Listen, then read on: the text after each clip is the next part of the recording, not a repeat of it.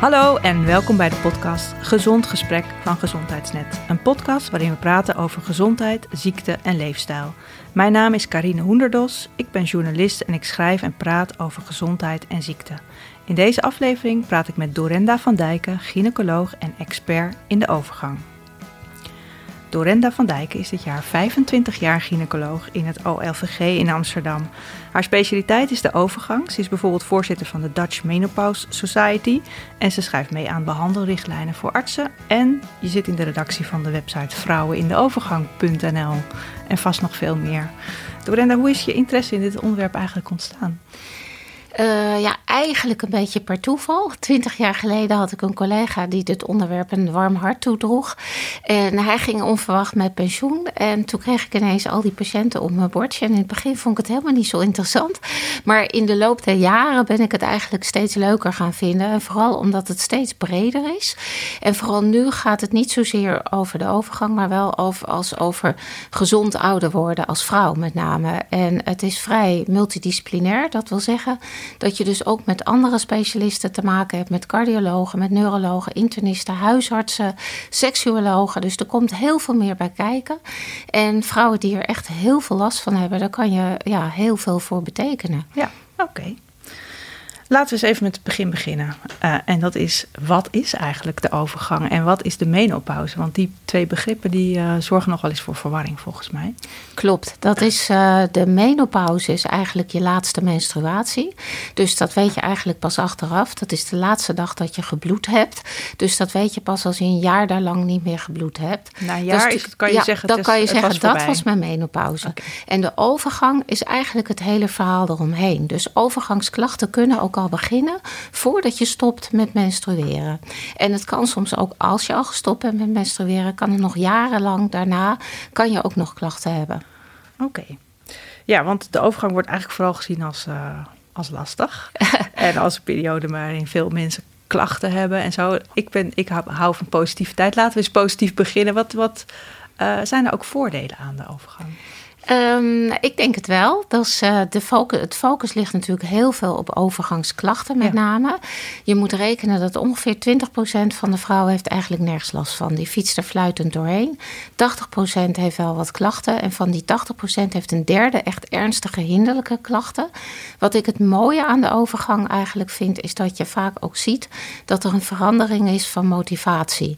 Dus vrouwen krijgen ineens zoiets van... hé, hey, nou ben ik eens aan de beurt. Uh, nu gaat het om mij. Ze zijn vaak uitgezorgd, kinderen zijn groter of deels al het huis uit. Dus je ziet dat veel vrouwen heel bewust ineens keuzes gaan maken en andere keuzes. Dus ze gaan bijvoorbeeld een opleiding volgen, wat ze al jaren hebben willen doen. Of ze kiezen ervoor om voor zichzelf te beginnen. Of een andere situatie waarin ze niet gelukkig waren, dat ze ineens denken van nou, nu ga ik een andere keuze maken. Ja. Dus dat kan soms ook relationeel zijn. En, uh, maar ze kiezen voor zichzelf. Ja, oké. Okay. Wat dat betreft is die naamovergang eigenlijk best wel goed. Ja, ja. ja. Oké, okay, we laten dan toch nu maar overgaan op die klachten. Want je zegt 80% heeft klachten en een derde heeft ernstige klachten. Ja. Ik schrik daarvan. Dat zijn wel echt enorme cijfers als je denkt dat de helft van Nederland toch een vrouw is en daar doorheen gaat door deze fase. Ja, je moet rekenen ongeveer dat 1 à 1,5 miljoen vrouwen heeft jaarlijks met overgang te maken. En dat is niet elk jaar een nieuwe groep, maar dat is gemiddeld. Okay. En van die 80 procent, uh, ja, het is eigenlijk net hoeveel last je ervan hebt. Want mensen kunnen wel opvliegers hebben of nachtelijke transpiratie, waar ze eigenlijk best wel mee kunnen dealen. Op wat voor manier dan ook. En dan heb je wel overgangsklachten, maar die ervaar je niet als hinderlijk. Nee, oké, okay, want je noemde net opvliegers. Ja. En nachtelijk uh, zweten. Nacht wat, dat, is dat, dat is eigenlijk volgens mij de bekendste klacht, of niet? Ja, uh, gemiddeld van alle vrouwen met klachten heeft driekwart eigenlijk wel deze klachten in meer of mindere mate. Er kunnen ook andere klachten bij komen die soms meer op de voorgrond staan dan die uh, opvliegers- en transpiratieklachten. En dat zijn bijvoorbeeld stemmingswisselingen, uh, labiliteit, maar ook angst- en paniekaanvallen. depressie is een psychiatrische diagnose, maar vrouwen die in het verleden een depressie gehad hebben hebben, hebben door de overgang, omdat ze uit balans raken, echt wel weer kans, grotere kans, dat ze het weer terug kunnen krijgen. Spier- en gewrichtsklachten kunnen erbij horen. Wat uh, vaginale klachten, wat klachten met je blaas bijvoorbeeld, verzakkingsklachten. Uh, ja, het, het, is eigenlijk veel breder dan alleen die opvliegers. ja. ja. Maar misschien nog even terug naar die uh, opvliegers. Wat, wat, wat is dat eigenlijk? En hoe ehm, ontstaan die eigenlijk? Ja, is dat, dat, dat, is een. We weten dat het ontstaat. Je hebt in je hersenen, in het achtste deel van je hersenen, zit een soort, ja, zeg maar, thermostaatcentrum. Dat noem je je thermoneutrale zone. En uh, als je in de overgang komt, dan maak je een bepaald hormoon niet meer, het hormoon oestrogeen. En als dat gaat dalen, dat werkt weer met bepaalde stofjes in je hersenen. Die noem je neurotransmitters. En die zijn van invloed op die thermoneutrale zone. En die zone wordt smaller. Dus dat betekent dat die veel sneller uit balans is. En de meest bekende klachten zijn de warmte en de opvliegers. Maar je hebt ook vrouwen die het bijvoorbeeld heel erg koud hebben, oh, juist. En niet warmte. En wat het nou lastig maakt, is dat je ook vrouwen die nul klachten hebben, die hebben in wezen dezelfde verstoring van hun thermoneutrale zone. Maar we weten dus niet waarom is nou bij de ene vrouw die thermostaat wel ontspoord en hebben ze daar last van en bij de andere vrouw niet. Want in wezen gebeurt bij iedereen hetzelfde. Dus bij iedereen is de thermostaat ontspoord? Ja, zo Maar niet iedereen heeft, dat, heeft de, merkt daar iets van? Nee, en je hebt vrouwen die af en toe wel warmte hebben en er ook wel last van hebben. Maar je hebt ook vrouwen soms, die zien we dan bij ons op de polykliniek bijvoorbeeld, die gaandeweg tijdens het gesprek, nou dat het net lijkt alsof ze ineens onder de douche staan. Dat het echt, dat ze helemaal nat worden, dat het water echt letterlijk oh. uit hun haar drupt. en uh, dat je dat ook ziet. Nou, dat, dat is natuurlijk vreselijk. Je kan je voorstellen dat als je in je baan, uh, bijvoorbeeld als je voor de klas staat, om maar wat te noemen, dat, dat kan je er echt niet bij hebben. Nee. Nee, ja, zo, ik wil zo nog even terug inderdaad over overgang en werk. Want uh, dat is volgens mij ook, ook een interessant onderwerp. Uh, en is dat, dat nachtelijk zweet, is dat eigenlijk dezelfde oorzaak? Ja, ja. en ook daarvan, het, het, is 2019, maar we weten nog steeds heel veel dingen niet. Ja. Uh, we weten, je ziet ook wel eens dat vrouwen soms alleen nachtelijke transpiratie hebben en overdag geen opvliegers. Omgekeerd kan ook en alle twee kan ook. En hoe dat komt, dat weten we niet. Nee, oké. Nou, verder noemde je nog een hele rij met, uh, met, uh, met klachten.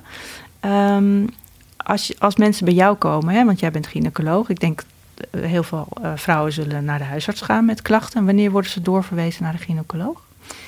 Um, in principe kan je, hoor je bij de huisarts hiervoor terecht te kunnen. Die kan je daar ook bij helpen en informatie geven en behandelen. Maar als de huisarts ja, dat niet in thuis is in het onderwerp. Of als je bijvoorbeeld een bijkomend iets hebt in je voorgeschiedenis dat het echt medisch is, kan je doorverwezen worden naar de gynaecoloog. Oké, dus jij krijgt wel de meer ingewikkelde gevallen op je spreken? Uh, ja, ja, soms wel. Soms is het echt een puzzel. Ja, ja. oké. Ja. En um, je noemde net al dat, uh, dat oestrogeen, hè? Kun je daar iets meer over vertellen? Want dat is dus de, nou ja, zullen zeggen, de boosdoener? Of, uh... Ja, nou ja, dat is eigenlijk de rode draad door de overgang, denk ik. Je eierstokken produceren het hormoon oestrogeen. En als je in de overgang komt, dan raak je wordt geboren eigenlijk met een bepaalde voorraad eitjes en een bepaalde hoeveelheid oestrogeen. Op een gegeven moment is die voorraad op.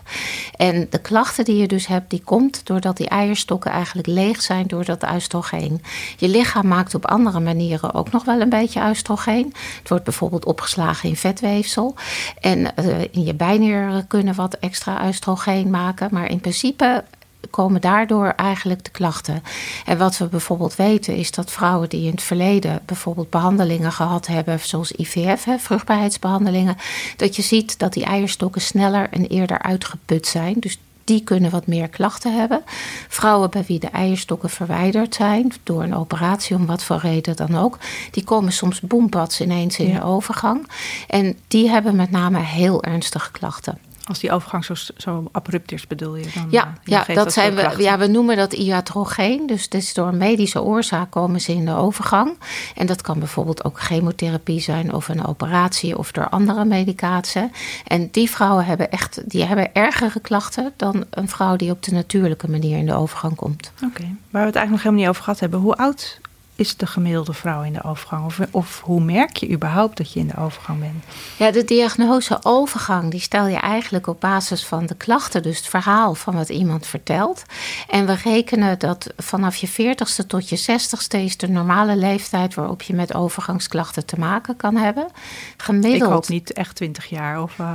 Nee, nee, nee, nee, nee. Overgangsklachten duren gemiddeld 2 tot 10 jaar. 2 tot 10. Oh, ja, een enkele uitzondering daar gelaten, maar gemiddeld 2 tot 10 jaar. En uh, gemiddeld, dat is gemiddeld, hè, is de, krijg je rond je 5, 47ste de eerste overgangsklachten. En je stopt met je menstruaties rond je 51ste. Er bestaan ook vrouwen die onder de 40 al overgangsklachten krijgen. Dat vinden we in principe niet normaal, tussen aanhalingstekens. Dat is echt afwijkend en dat is een heel andere groep vrouwen. Maar en zijn er ook vrouwen die heel laat in de overgang komen? Ja, tussen die 40 en die 60 kan eigenlijk alles. Dus het 41 kan, maar 58 kan ook. En dat is nog steeds normaal. Ja, oké. Goed.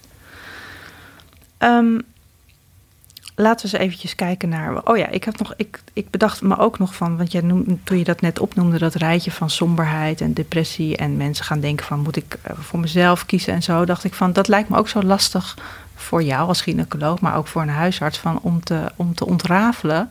Is deze vrouw nu in de overgang of is ze gewoon toe aan iets nieuws in haar leven? Of uh, heeft ze problemen? Ja, veel vrouwen zijn ook mantelzorger in deze periode voor hun ouders die uh, oud worden. Of hebben pubers thuis, wat ook, ik spreek uit ervaring, niet altijd makkelijk is.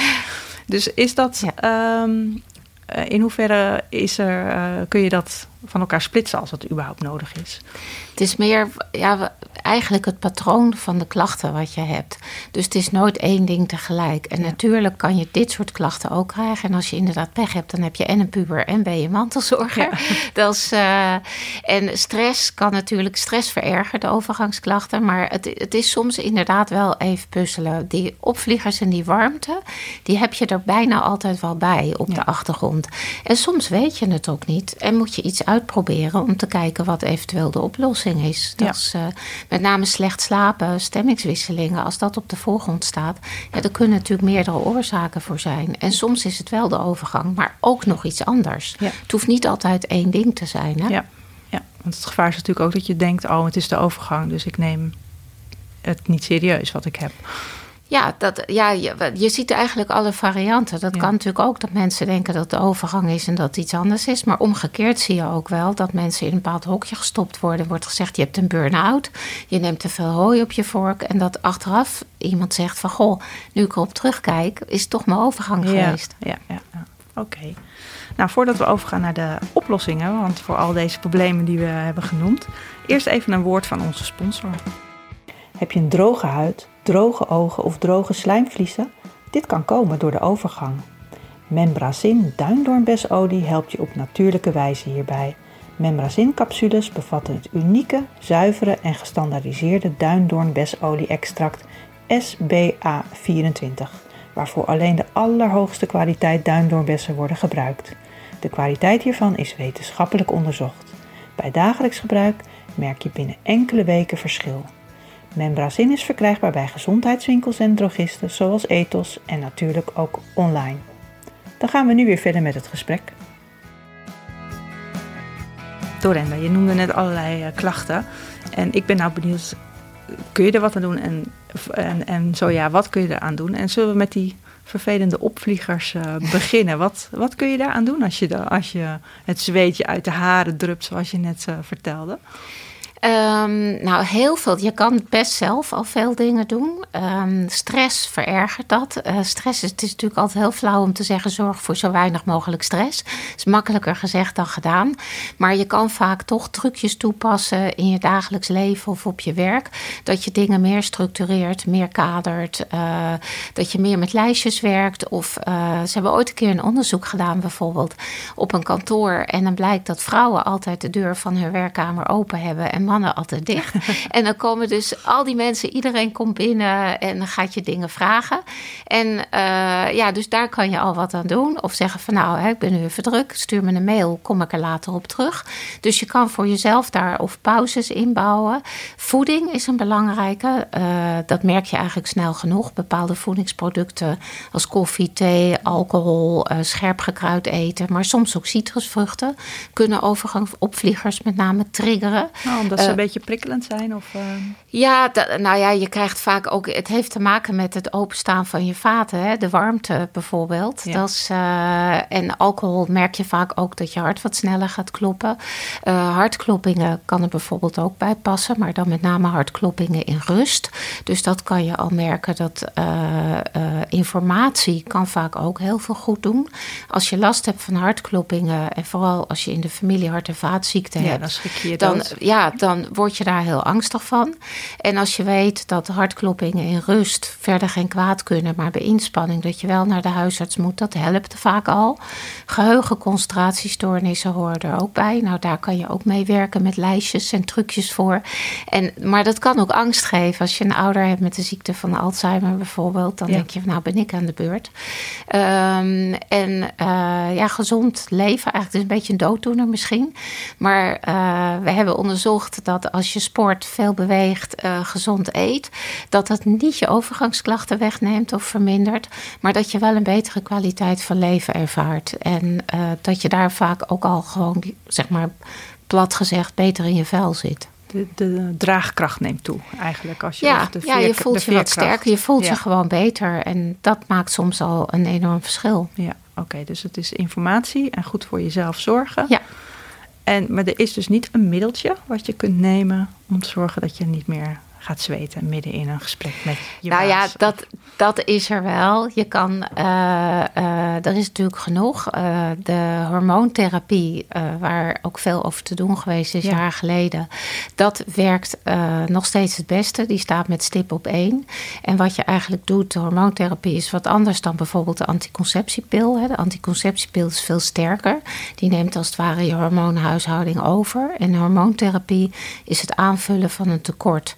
En je ziet dat je met een heel klein snufje, eh dat is het hormoon oestrogeen uiteraard, dat je daarbij vaak al vooral die warmteklachten, dat is echt eh, heel makkelijk op te lossen. Dat is succesverzekerd. Oh, echt? Ja. En, en maar eh, je noemde het zelf al, het is een beetje in opspraak. Hoe komt dat eigenlijk? Want eh, ik, had, ik had me een beetje ingelezen in dit onderwerp en ik zag dat in Nederland het eigenlijk maar heel weinig wordt voorgeschreven. En als jij nu zo zegt, nou, succes verzekerd, denk ik, hoe kan dat? Ja, ehm, Nederland loopt een beetje achter daarin op de rest van de wereld. Ik denk dat wij toch een vrij Calvinistisch volk zijn eh, daarin. En er is 17 jaar terug een groot onderzoek geweest waaruit bleek, daar hebben ze hormoontherapie gegeven aan vrouwen. Maar dat waren oudere vrouwen, vrouwen echt van 60, soms 70, 80 plus. Dus dat is een heel andere eh, groep, andere populatie dan waar je het normaaliter aan geeft. En eh, een van de producten die met name gegeven werd, was een bepaald type progesteron. Inderdaad een licht verhoogd risico op borstkanker gaf. Dat is helaas in de pers eh, verkeerd in de statistiek naar buiten gekomen. Het bleek dat van dat type progesteron 1 op de 10.000 vrouwen meer borstkanker krijgen. En dat is vertaald naar 26 procent. Dat heeft de krantenkoppen gehaald.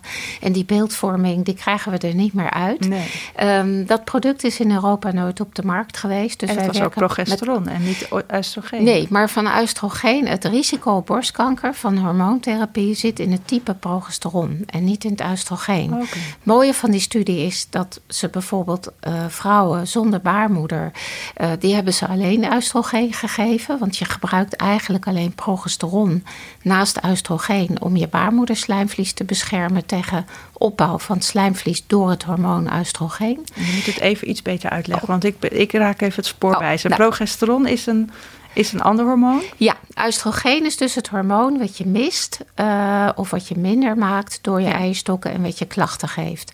Als je vrouwen oestrogeen gaat geven, dan krijgen ze ook weer aanmaak van slijmvlies in de baarmoederholte. En dat ga je tegen met het hormoon progesteron. Dus dat is eigenlijk meer de tegenhanger van oestrogeen. Als je dat namelijk niet tegengaat, heb je kans op een soort overgroei van dat slijmvlies. En dat kan op den duur ook kwaadaardig worden. Dus vrouwen Dus met een mixje baarmoeder is altijd nodig. Ja, bij vrouwen met een baarmoeder wel. Bij vrouwen zonder baarmoeder hoeft dat natuurlijk niet. Die gebruiken alleen oestrogeen. En uit diezelfde studie bleek dat vrouwen met alleen oestrogeen... die hadden zelfs veel minder kans om borstkanker te mm. krijgen... dan vrouwen die niks gebruiken. Dus we weten dat het in het type progesteron zit. Ja, en dat type is in Nederland niet op de markt? Dat type wat toen dat risico uh, gaf en wat ook bekend is inmiddels, dat is, nooit, dat is in Amerika gebruikt geweest, is nooit in Europa op de markt geweest. Dus wij werken tegenwoordig ook met bio-identiek, met veiliger progesteron en ook met andere types synthetisch progesteron die echt veilig zijn voor borstweefsel, mits je het niet jarenlang gebruikt. En met jaren bedoel ik vijf tot zeven jaar. En binnen die eerste paar jaren is het eigenlijk veilig. Uh, je moet natuurlijk wel kijken met, aan wat voor persoon je het geeft. Hè? Bijvoorbeeld alcoholgebruik. Uh, meer dan 8 tot 10 eenheden per week. En daar zit je soms al snel aan in een weekend. Uh, geeft ook een verhoogd risico borstkanker. Uh, langer dan 10 jaar pilgebruik kan een verhoogd risico geven. Dus je moet ook kijken naar het individu, naar de persoon. Ja. En um, ja, Borstkanker moet je natuurlijk nooit krijgen. Maar als oorzaken waar wij als vrouw aan overlijden, uh, is borstkanker heel erg naar beneden gezakt. En het risico waar wij ons als vrouwen zorgen over moeten maken is hart- en vaatziekten.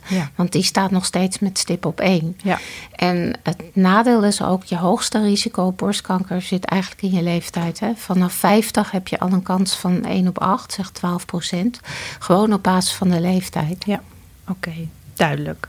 Dus um, de angst voor die hormoonpreparaten die is, is, is, ongegrond, zeg jij, als je het gewoon een korte tijd gebruikt. Um, zouden meer vrouwen in Nederland dat dus moeten doen? Of zouden meer vrouwen in Nederland moeten denken, nou misschien is het wel wat voor mij? Of is dat niet iets wat je lichtvaardig besluit? nou, dat laatste sowieso niet. Hè. Je moet het echt individualiseren. En voor mij hoeft absoluut niet iedereen aan de hormoontherapie. Maar vrouwen met ernstige klachten, die dus belemmerd worden in hun privé- of werkleven en op andere manieren er niet uitkomen, die vind ik, die hebben echt recht op hormoontherapie. En die kunnen daar echt baat bij hebben. Dan hebben de voordelen zijn vele maten groter dan de nadelen. Je moet je wel houden aan de periode van voorschrijven. En dus wij zien mensen ook jaarlijks voor controle. En op, vroeger gaf je zeg maar een paar jaar hormoontherapie en dan was het na vijf jaar klaar. Tegenwoordig is het adagium zo lang als nodig is en zo laag als mogelijk is. En we hebben tegenwoordig ook producten die je heel laag kan doseren en goed helpen. Ja, want ik hoor ook wel eens van, nou ja, maar als je dan stopt, dan komt die, die overgang weer die stel je eigenlijk uit met die hormonen. Klopt dat of ja. niet? Nou, uh, dat je dat hoort, dat klopt. Maar het is niet waar. Nee, het is echt een van de vele fabeltjes. En dat komt een beetje omdat vaak uh, wordt het maar heel kort voorgeschreven. Hè? Overgangsklachten duren twee tot tien jaar. En als je echt aan de beurt bent met erge klachten... dan is het ook echt niet in een half jaar of een jaartje over. Dus je moet lang genoeg behandelen.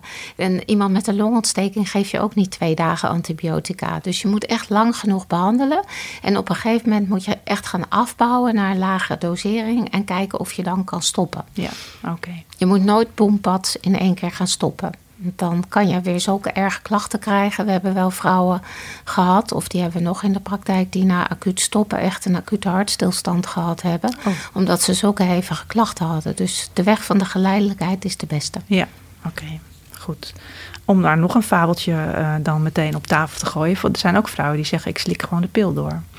De anticonceptiepil. Want dan, uh, dan stel ik het ook uit en dan uh, fiets ik er misschien op die manier wel uh, vrolijk doorheen. Voor een groep vrouwen geldt dat zeker. Ik, uh, ja, het zou ook kunnen dat dat net de lucky 20% zijn. Dat weet ik niet. Of die minder klachten hebben. De pil uh, bevat een veel, veel meer hormonen. Dus het synthetisch oestrogeen bevat dat. En ook een ander type progesteron vaak. En van langer dan 10 jaar pilgebruik weten we dat dat zeker een verhoogd risico op borstkanker geeft. Dus in wezen kan de. En ook een risico op trombose. Tromboserisico is hoger dan bij hormoontherapie. Dus wat dat betreft is dat product niet echt te verkiezen. Maakt natuurlijk wel uit hoe oud je bent en in welke levensfase je zit. Maar de pil is echt bedoeld voor anticonceptie en niet voor iets anders. Ja. En vanaf 50, 51 heb je echt geen anticonceptie meer nodig. Eitjes zijn echt te oud. Oké. Wat een opluchting. ik ben 52, ja. Oké. Ehm, eh, in het buitenland wordt het dus veel vaker voorgeschreven, hè, die hormonen. Wordt er in het buitenland überhaupt anders mee omgegaan met de overgang? Um, nou, ik, ik denk dat in het buitenland is het veel meer uh, een erkend probleem. Uh, ik denk dat het echt typisch Hollands is dat wij, hè, we zijn allemaal een beetje van niet lullen maar poetsen. Je moet er vooral niet over zeuren, het gaat vanzelf wel over. Uh, dat is heel Hollands. Uh, wij waren volgens mij ook de laatste met pijnbestrijding bij de bevalling. Klopt. Dus daar vergelijk ik het altijd een beetje bij. In het buitenland is daar veel meer erkenning voor. En je hebt zelfs, met name in Engeland bijvoorbeeld, Duitsland, Frankrijk, zijn zelfs aparte echte menopauzeklinieken. Er zijn ook gynaecologen die dit. Ik heb ook nog andere aandachtsgebieden dat zal je niet altijd zeggen, maar uh, die alleen maar dit onderwerp doen. En uh, dus daarin wijken wij wel af van het buitenland, ja. ja. En het gemiddeld wordt in Nederland krijgen ongeveer iets minder dan 5% van de vrouwen krijgt hormoontherapie voorgeschreven. In de landen om ons heen is dat rond de 25 en soms zelfs 40%. Ja, en in die landen verschil. komt borstkanker niet uh, meer voor dan nee. in Nederland. Oké, okay. ja, goed. En uh, je noemde net al hart- en vaatziekten. En uh, ik heb altijd geleerd dat na de overgang, of in de overgang misschien al, de kans op hart- en vaatziekten toeneemt. Ja. Kan je dat uitleggen? Hoe kan dat? Dat heeft met name eigenlijk te maken met de veroudering van je vaten, de verstarring van je vaten. En wij worden natuurlijk tegenwoordig allemaal veel ouder. En wat we tegenwoordig ook weten is dat bepaalde risicofactoren die je vroeger al gehad zou kunnen hebben, bijvoorbeeld een zwangerschapsvergiftiging, hoge bloeddruk in de zwangerschap, maar ook vrouwen met migraine of vrouwen die familiair belast zijn, die moet je echt identificeren dat die een verhoogd risico hebben. Dus daar moet je bij tijd uh, op inhaken. Familiair uh, belast bedoel je dat het in de bijvoorbeeld familie zit? een ouder, ja, bijvoorbeeld één of meerdere of twee ouders die echt een hartinfarct gehad hebben of andere incidenten. Een herseninfarct hoort er ook bij of een beroerte. En dan ben je zelf echt familiair belast. Dus die vrouwen moeten meer bij tijd bloeddruk en cholesterol laten controleren. Ja. Na de overgang, of eigenlijk na de menopauze, zie je bij 1 op de 3 vrouwen een verhoogde bloeddruk, bij 2 op de 3 verhoogd cholesterol. Dat noemen we de zogenaamde silent killers, want je lijf geeft geen seintje dat het afwijkend is. Dus het is echt meten is weten. Uh, en dat moet je echt bij je huisarts laten controleren. En dat zijn dingen waar je zelf met voeding en leefstijl echt al wel wat aan kan doen. En die bewustwording is eigenlijk heel erg belangrijk. We weten dat bijvoorbeeld hormoontherapie, uh, met name voor de jonge groep vrouwen, ook echt een verbetering kan geven voor het risico in hart- en vaatziekten. De wat oudere vrouwen die wat later in de overgang komen, meer rond de 50. Daarbij kan het geen kwaad, het maakt het niet erger, maar heel veel winst is er ook niet van. Maar die enorme opvliegers en die nachtelijke transpiratie zijn ook een belasting voor je hart en vaten. Ja. Dus we weten en die dat, hartklopping ook, lijkt mij. Ja, het is, het zijn, het is oestrogeen is je collageenbouwer. Hè? Dus dat is je collageen van je huid, je haar, maar ook van je bloedvaten. Dus uh, uh, als je heel, als je familiair belast bent of verhoogd risico, heel ernstige overgangsklachten kunnen juist een hart- of vaatprobleem geven. Okay. En in Amerika zijn ze daar echt verder in dan wij. Want daar worden vrouwen soms echt preventief of in een heel vroeg stadium al snel behandeld om nare dingen te voorkomen. Ja, want jij zegt uh, twee op de drie vrouwen heeft een hoog cholesterol na ja. de overgang en één op drie hoge bloeddruk. Maar volgens mij is het niet standaard dat een vrouw na de overgang elk jaar bijvoorbeeld naar de huisarts gaat en zegt. Uh, even meten.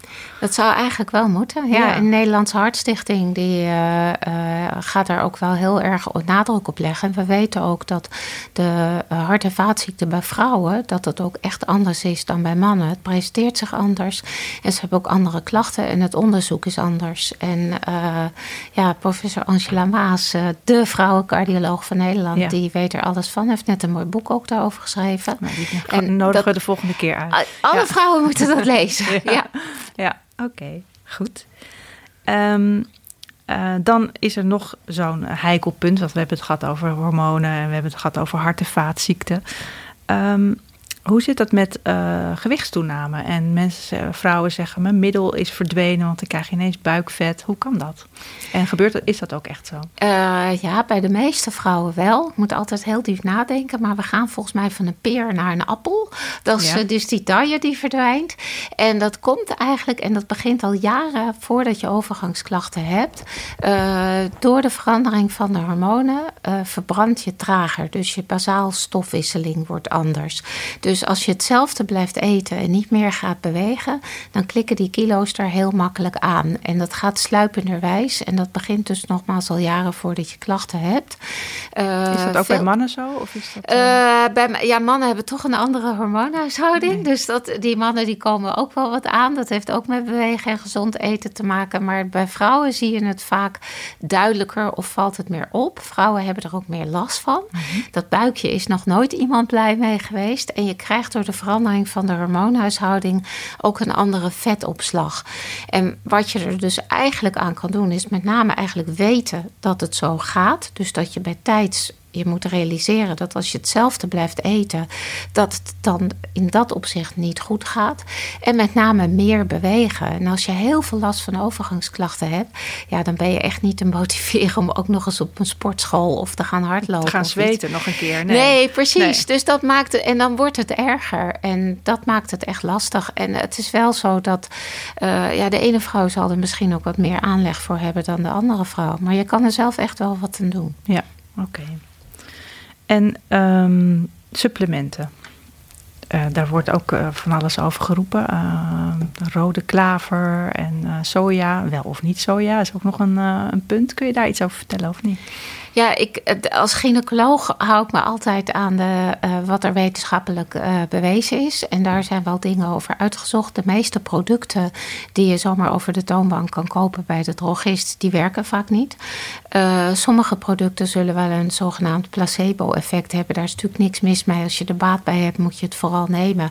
Maar we hebben nooit wetenschappelijk kunnen bewijzen dat die producten werken. Dat zijn met name kruiden, pillen, denk ik. En, kruiden ja. en dingen als zilver zilverkaars uh, of andere producten. Met name wat je gewoon kan kopen. Um, en de rode klaver, wat je net al noemde, dat, en de soja, die valt in de categorie wat we noemen de fytoöstrogenen. Dus dat is het plantaardig producten. Daarvan weten de we. Oestrogenen die uit planten komen. Ja, ja die, die lijken op de oestrogenen die wij aanmaken. Ja. ja. maar in veel lichtere mate. Dus voor vrouwen met lichte klachten hebben we kunnen aantonen dat dat wel degelijk een effect kan hebben. De bewijs prijskracht daarvan is vrij laag, want het is soms moeilijk te standaardiseren en goed te vergelijken, die producten, wetenschappelijk gezien. Maar dat zijn wel dingen die, we, uh, die ook wij wel adviseren. En soja is weer een andere, daar heb je weer een heleboel varianten in van de synthetische natuurlijke soja. En je moet er altijd wel een beetje mee uitkijken, want als je nooit sojaproducten gegeten hebt en ineens dat gaat eten, kan je daar ook weer darmklachten van krijgen. Maar in die zogenaamde fytoöstrogenen, daar zit zeker wel iets in. En er is net een mooi onderzoek geweest wat ook heeft aangetoond dat dat veilig is, zowel voor borst als voor baarmoederweefsel. Oké, ja. Ja, en ik denk ook altijd in, uh, in landen als Azië, waar men de hele dag door uh, tofu eet en andere sojaproducten, dat, daar komt volgens mij ook niet meer uh, borstkanker of andere kanker voor nee, bij vrouwen? Dat, uh, nee, ja, maagkanker komt daar ja. meer voor. Dat is, uh, maar dat heeft misschien inderdaad met eetpatroon ja. uh, te maken. Ja. En die vrouwen hebben inderdaad wel minder last van opvliegers. Ja, dat is, ja. ja. oké, okay, interessant. Um, eens even denken, wat had ik nog meer? Want ik had nog wel wat meer. Oh ja, um, er wordt gezegd, je kunt kijken of je in de overgang bent. Want jij zegt, je, je kijkt als je in de overgang bent naar de klachten. Maar er, er zijn ook bloedtesten die zogenaamd kunnen zeggen. je zegt, je geeft eigenlijk al het antwoord nu, hè, met het zogenaamd. Ja. Nee, dat, is, uh, uh, dat, dat wordt vaak gedacht. Maar bloedonderzoek uh, geeft eigenlijk... je moet rekenen dat onder je veertigste... kan bloedonderzoek een aanvullende waarde hebben... om je te helpen in de diagnose. Want dan verwacht je niet dat iemand in de overgang is. En de jongste die wij hebben op de poli die in de overgang is... die is 18 jaar. Nee. Dus het kan echt ook al op een hele jonge leeftijd kan de overgang voorkomen. Dat is een andere groep, maar het kan. Dus je moet er in principe altijd aan denken. En, uh, maar vanaf je zeg maar je 45ste en vooral als het verhaal vrij specifiek is, dan voegt bloedonderzoek niks toe. Als je bijvoorbeeld kijkt naar het hormoon oestrogeen in het bloed, de waarde van het oestrogeen in het bloed bij vrouwen met en zonder klachten is identiek. En dat helpt je niet verder. Dus je kan niet zeggen, uh, het helpt je niet verder in de diagnose. En het doet geen voorspelling van waar sta ik of hoe lang duurt het nog. Dus uh, meestal is 1 en 1 2 met de klachten. En dan ga je iemand daarmee helpen of behandelen. Ja, oké. En pas als zo'n behandeling bijvoorbeeld niet aanslaat of als er atypische klachten zijn, dan moet je ook bloedonderzoek doen. Maar dan ga je meer bijvoorbeeld kijken naar andere hormonale oorzaken. Om bijvoorbeeld een schildklier die afwijkend kan zijn. En opvliegers en warmte kan dus ook komen door een ontspoorde schildklier, maar bijvoorbeeld ook door hoge bloeddruk. Ja. Dus uh, bij ons gaat niemand weg uh, zonder dat we de bloeddruk gemeten hebben. En roken. Roken is een boosdoener. Ja. Roken geeft echt meer overgangsklachten. Dus stoppen met roken geeft vaak ook enorme winst. Ah, kijk, een extra reden om te stoppen on, met onaardig roken. om te melden, ja. maar het werkt echt. Nou, onaardig. Het is wel een extra motivatie toch om te stoppen met roken. Ja, ja. ja maar ik denk dat... Ik heb zelf nooit gerookt. Ik weet niet of jij ik gerookt niet, hebt. Nee. nee. maar ik, ik, ik weet dat, dat wat ik van mensen hoor... dat het lastiger, makkelijker gezegd dan gedaan is. Jazeker, ja. ja, ja. Um, toen ik, dit, uh, toen ik Jonne, de producer, aankondigde dat we dit onderwerp hadden, zei hij, oh, lekker sexy. En hij bedoelde eigenlijk helemaal niet sexy. Maar laten we het eens hebben over seks in de overgang. Want jij zegt, uh, soms gaan vrouwen ook naar de seksuoloog. Wat, wat voor problemen kunnen er daar zijn? Ja, we, um, we weten eigenlijk, en dat is soms ook lastig, want de, de, een van de fabels is ook dat mensen denken dat na de overgang hun seksleven voorbij is. nou, dat is niet waar. Uh, soms zie je zelfs dat vrouwen een beter seksleven hebben, omdat vaak kinderen het huis uit zijn, ze beter kunnen aangeven wat ze wel en niet plezierig vinden. Ze kunnen niet meer zwanger worden, dus de overgang kan ook daarin voordelen hebben. Uh, maar je kan je ook voorstellen dat uh, als je echt je bed uitdrijft s'nachts van de opvliegers en heel warm hebt. En er wil iemand eens even gezellig tegen je aankomen liggen. Dat je daar echt niet op zit te wachten. En sowieso, als je niet lekker in je vel zit, dan komt seks vaak onderaan het lijstje. Ja. Dus uh, uh, zeg maar, als we vrouwen gaan behandelen met bijvoorbeeld hormoontherapie, of er zijn ook nog meer mogelijkheden. Als die overgangsklachten minder zijn, dan zie je vaak dat het seksleven al beter gaat. Er wordt vaak gedacht dat door het hormoon uh, dalen van het hormoon oestrogeen dat het, uh, zeg maar de huid binnen in de vagina dat die dunner wordt en dat dat pijnklachten kan geven. Uh, dat kan wel een onprettig gevoel geven, maar in principe verandert de overgang niet je zin en opwinding. Dus het vermogen om opgewonden te worden en daarmee vochtig te worden en pijnloos penetratie te kunnen hebben, dat verandert niet door de overgang. Er is een kleine maar, want er is een groep vrouwen van 10 tot 15 procent die bijvoorbeeld het hormoon testosteron. Dat noemen wij ten onrechte het mannelijk hormoon. Dat is onzin, want wij vrouwen maken het ook. En dat hormoon is eigenlijk het hormoon wat je gevoelig maakt voor die prikkel om voor zin en opwinding te krijgen. En er is een, dus een groep vrouwen die dat hormoon niet meer maakt na de overgang. En dat kan je dus wel meten in het bloed. Oké, en die vrouwen hebben dus echt een verminderd libido. Ja, de libido mogen we niet meer zeggen. Hè? Oh. Ja, het is nog steeds een mooi woord. Iedereen snapt wat je bedoelt. Woord, ja. Maar nou, libido is een Freudiaanse term. En, we, en Freud dacht altijd van nou, je hebt het of je hebt het niet. Maar we weten dat dat niet zo werkt. Tegenwoordig hebben we het over zin en opwinding. En ja, ja ik vind dat, libido echt ik mooi. Ik krijg ruzie met de seksuoloog als ik libido zeg. En uh, uh, ja, dat, die vrouwen, die merken dat echt. We hebben daar ook onderzoek naar gedaan. En het blijkt ook vaak dat de seks, zeg maar, voor die overgang soms ook al niet zo goed ging. En dat die overgangsklachten dan net de laatste druppel is. En ja, seks heb je meestal, niet altijd, maar vaak ook met z'n tweeën. En uh, ja, er kan met mannen ook iets aan de hand zijn. Vaak is er, kan er ook met de man een probleem zijn. Dus je moet het goed uitvragen ja. wat het probleem is. Wat we ook vaak zien, is dat vrouwen urineverlies kunnen gaan krijgen. En dan gaan ze als een dolle hun bekkenbodemspieren aanspannen om dat vast te houden. En als je een verhoogde bekkenbodemspierspanning hebt, dat kan wel pijn bij penetratie geven. Dus het, het, het zijn, kunnen Ook meerdere is weer oorzaken heel veel zijn. factoren ja, die uh, ja, een rol Het is nooit spelen. echt één ding. Nee, nee. Daarom is het zo'n leuke puzzel voor jou. Uh, ja, ja, Niet voor de mensen die het hebben, maar ik kan me voorstellen dat dat Het is een uitdaging om het op te lossen. En als je het hebt opgelost en blije mensen, dan is mijn dag weer helemaal goed. Ja, dat snap ik. Ja. Um, ik heb het gevoel, maar misschien komt dat dus door mijn leeftijd, maar ik heb het gevoel dat de overgang heel erg in de belangstelling uh, staat. Ik word natuurlijk om me heen van mijn vriendinnen en alles, maar um, er zijn ook uh, bekende Nederlanders die ineens boeken schrijven over hun uh, geworstel in de overgang. Is dat, dat lijkt me aan één kant heel erg goed.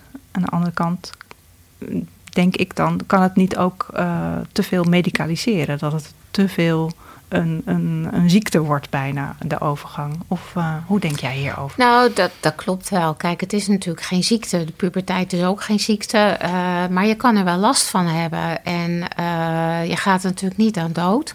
Maar je kan wel klachten hebben. Urineverlies of niet zwanger kunnen worden is ook geen ziekte. Maar je kan er wel last van hebben. En ik, ik denk dat het natuurlijk ook komt als je in een bepaalde leeftijd of levensfase zit. Dan ontkom je er bijna niet aan. En met alle aandacht en vooral alle goede informatie ervoor over. Dat vind ik heel belangrijk. En je moet het vooral niet inderdaad niet medicaliseren. Maar je moet vrouwen ook wel serieus nemen in hun klachten. En als er wel een oplossing nodig is, dan moeten ze die ook krijgen. Dan hebben ze daar recht op. En uh, ja, bekende Nederlanders die hier openhartig over zijn, ja, ik juich het alleen maar toe. Oprah Winfrey krijgt uh, meer voor elkaar in Amerika dan welk wetenschappelijk artikel ook. Ja. Dus uh, ja, om het taboe weg te halen, alleen maar fijn. En het zou fijn zijn als we daar gewoon openlijk open kunnen, over kunnen praten, ook op het werk. Iemand die zwanger is en uh, uh, daardoor een hele nacht niet slaapt of een kleintje heeft, daar hebben alle collega's begrip voor en die vinden dat vervelend. Maar als jij een week lang niet slaapt van je overgangsklachten, dat is een ander verhaal. En daar moeten we vanaf. Ja, want, dat, hoort, dat wordt dan vaak gewoon niet verteld. Of het als wordt je het vertelt, of niet verteld, of er wordt lacherig over gedaan, of niet serieus. Daar is minder begrip voor. Ja. En dat is echt jammer. Ja, ja. want? Uh, nou, uh, dat moet je ook serieus nemen. Die vrouwen die hebben daar ook last van. En die hebben net zo goed recht op begrip en aandacht als, als dat je net bevallen bent. Ja. En uh, uh, ja, oudere vrouwen of vrouwen met meer ervaring op het werk, die kunnen juist van enorme waarde zijn. En uh, op dit moment zijn er net zoveel vrouwen boven de 50 in Nederland als onder de 50. We worden allemaal ouder. kinderen die nu geboren worden, 1 op de 3 wordt minstens 100. Dus die pensioenleeftijd gaat ongetwijfeld over twee generaties omhoog. We moeten allemaal langer aan het werk blijven. En het is juist van belang dat je dat op een goede manier doet. Ja, en dat dus je niet door die overgangsklachten bijvoorbeeld in zo'n burn-out raakt dat je ook niet meer terug kan komen. Ja, of, of, wat je vaak ziet, is dat vrouwen toch minder gaan werken omdat ze zich niet goed in hun vel zitten of, uh, of afgeschreven worden gezien als afgeschreven.